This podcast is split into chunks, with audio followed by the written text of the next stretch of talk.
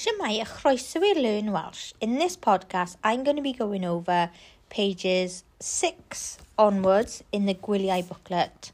All the tasks and answers. Here goes.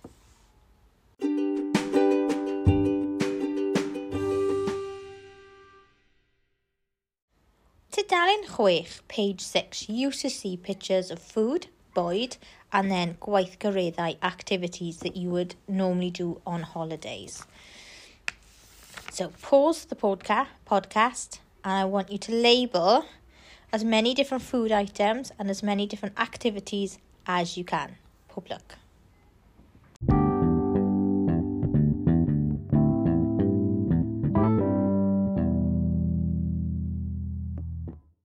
So let's go over the answers. So on the top left then, we have burger, burger, sglodion, chips, diod, drink. Then we have pizza. And then the activities then, so that would be cinema. And then on the left, park, mynd i'r park. Then you've got the swimming pool, push, so you'd be novio. We've got the shopping bag, so it'd be shopper. And then we've got the plate and cutlery, so that would be boita. So underneath, I want you to write down how the food was and what you did on your holidays. So the sentence patterns to you. So the first speech bubble, roedd y bwyd yn, and there's a few examples of adjectives on the right. Flasus, tasty, hyfryd, lovely, ofnadwy, terrible, ddrud, expensive. Bwytais i, see, I ate, and then a list of things that you ate.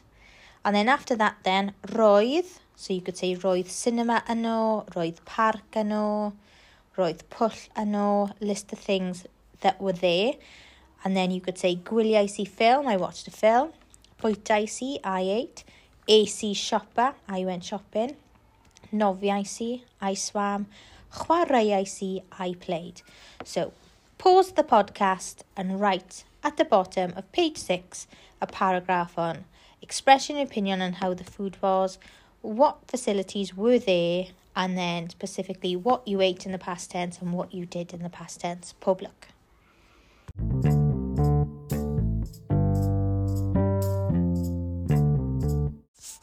Now turn your attention to the dalyn saith. So question chwech, am faint arhosais ti? How long did you stay for? So repeat after me, am faint a'r hosais ti. Am faint ar hosais ti. So there's two ways of answering it. You can say ar hosais i. So after me, can you say ar hosais i? I stayed. Or ar hoson ni, we stayed. So after me, can you say ar hoson ni? So there's a few options below. Am bythefnos for a fortnight. Am wythnos for a week am fis for a month. Am dair wythnos for three weeks. You can change dair for dwy, pedair, pimp, whatever. And at the bottom then, am blank diwrnod. So in the blank you put the number of days.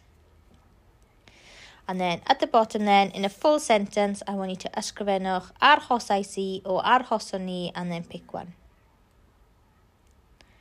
After you've completed that, underneath you've got a table. I'm sure you'll know all the columns. So we've got A, know your name, ble, so where did you go? Is ti. Gyda pwy, gyda pwy is ti. Sut? How did you go? How did you travel? Arhosos ble, where did you stay? And am faint, for how long you stayed for. All the questions in the booklet, so say, take time now, pause the podcast to find the questions ready, and then I want you to go around asking as many people as you can in the classroom. Public.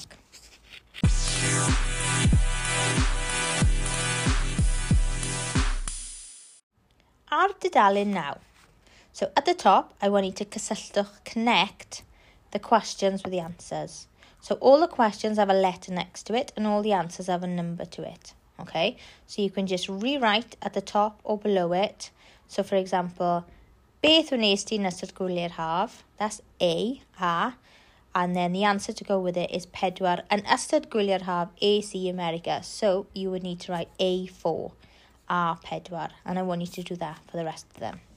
Pob lwc.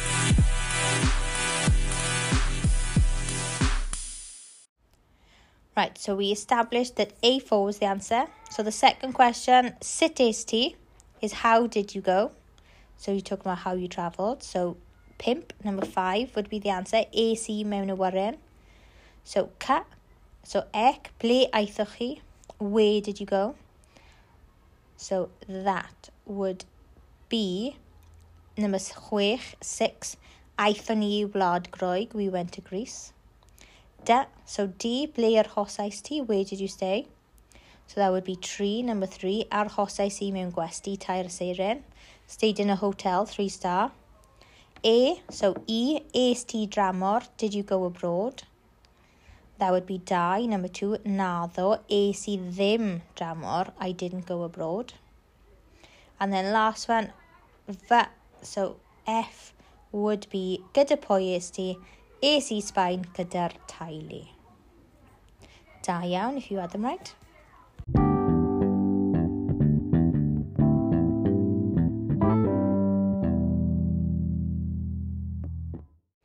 So, still ar dudalen now, so still on page 9. The question is, sut roedd y tawydd? How was the weather? Roedd hi'n, it was, because the weather is feminine, so roedd hi'n, it was. Or you could say roedd y tywydd yn, the weather was. Pause the podcast and try and translate as many weathers as you can. Pob luck. So let's look at the answers. So we have boeth, which is warm, braf, fine, wych, great, eitha da, very good, quite good, sorry, boeth iawn, very warm or boiling, haelog, sunny, stormus, stormy, wintog, windy, gymalog, cloudy, bwrw, glaw, raining, ofnadwy, awful and diflas, boring. And Nathan, answer the question, sut roedd y tywydd? So you could say roedd hi'n and then the weather, or you could say roedd y tywydd yn, and the weather. Public. Tudalin Dig, page 10. Okay, so we have translations at the top. So we got five sentences, pimp brawddeg. And at the top right, we've got a box to help us with the keywords. So the sentences are I went, we went, I went, we went, I went. So the beginnings you will find at the beginning of the booklet. To America, to Tembi, to Ireland, to Greece, to Canada. All the countries again at the front of your book. See if you know them without looking and it was very hot. Okay, so and and then the sentence pattern is just what we covered, and then the rest is weather. Okay, some use and others is a full stop, and then it's a new sentence. So pause the podcast and see how many you can translate. Luck.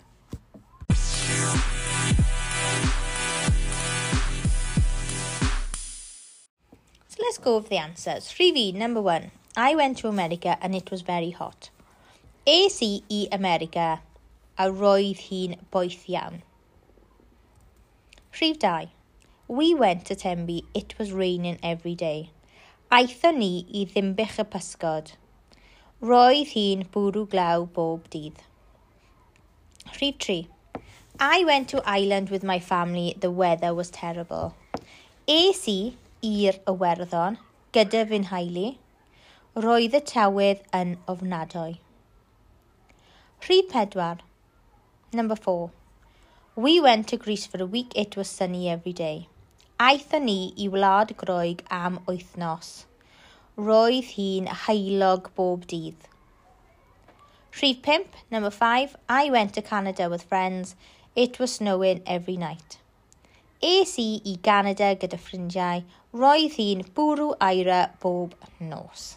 Da iawn if you had them all right or most of them right. So still ar dudalen 10 on page 10, the question is, beth yw nes ti yno? So what did you do there? So loads of things we could say AC, I went, and then you have i'r cinema, to the cinema, i chwarae yn y parc, i'r dorheilo, to sunbathe, i siopa, i ddisgo, i nofio, I bysgota. I lan y môr.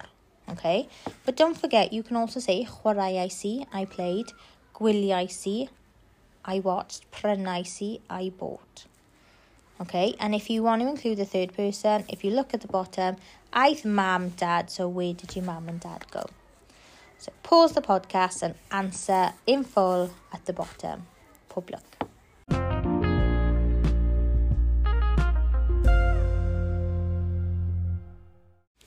Tudalen 11, so page 11. So, question now.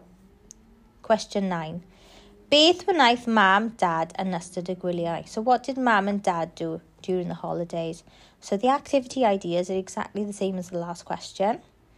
So you could say, aeth mam, mam went. Aeth dad, dad went. Have a look at the endings for he or she. Okay, so gwyliodd dad, So it would be the odd at the end of gwili. Gwiliodd dad, ffilm. Chwaraeodd dad. Dad played. Torheilodd dad. Dad sunbathed. Aeth dad siopa. Nofiodd dad. Aeth dad i pysgota. Aeth dad i lan y môr. So pause the podcast and write a sentence about what your mum, dad, brother, sister, whoever went on holidays or just make it up did. Public.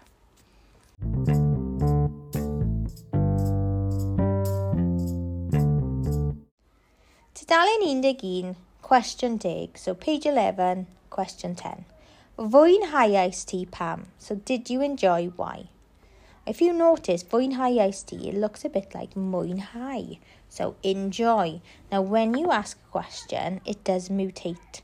So that normally it would be mwynhau ice I enjoyed or mwynhau ice tea you enjoyed, but because it's in a question, it does become fwynhau ice tea. So when we answer yes or no in the past tense, remember it's do for yes, naddo for no. Okay, so if it's yes I enjoyed, do mwynhau ice tea,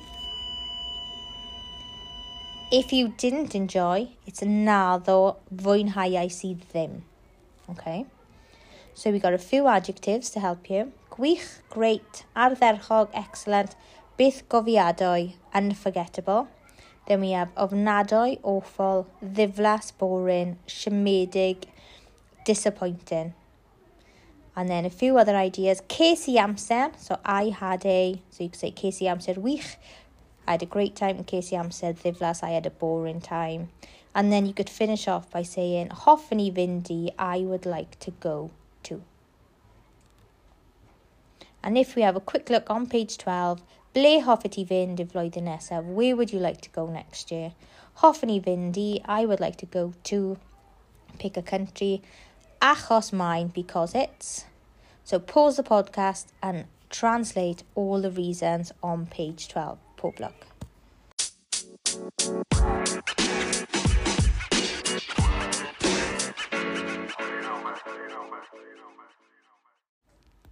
Mae'n boeth, it's warm. Mae'n wych, it's great.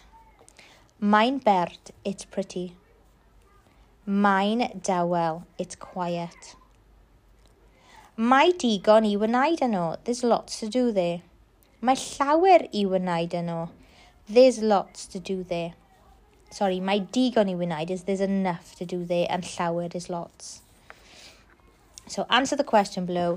Ble hoffi ti fynd y flwyddyn nesaf pam? Pob.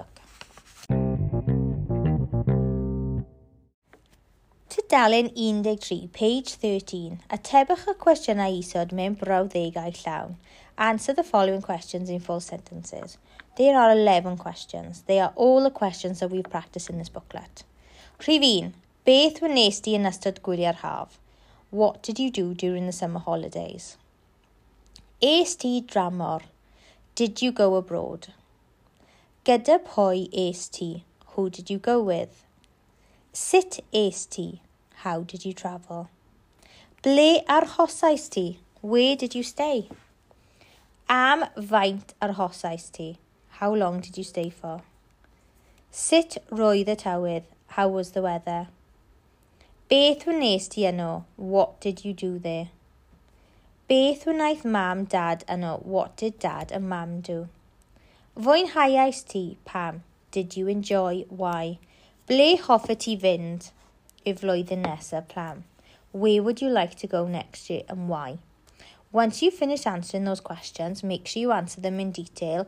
Make sure, if you need to, express your opinion. Find mature adjectives and reasons, okay? Then I want you to practice asking and answering them in Welsh.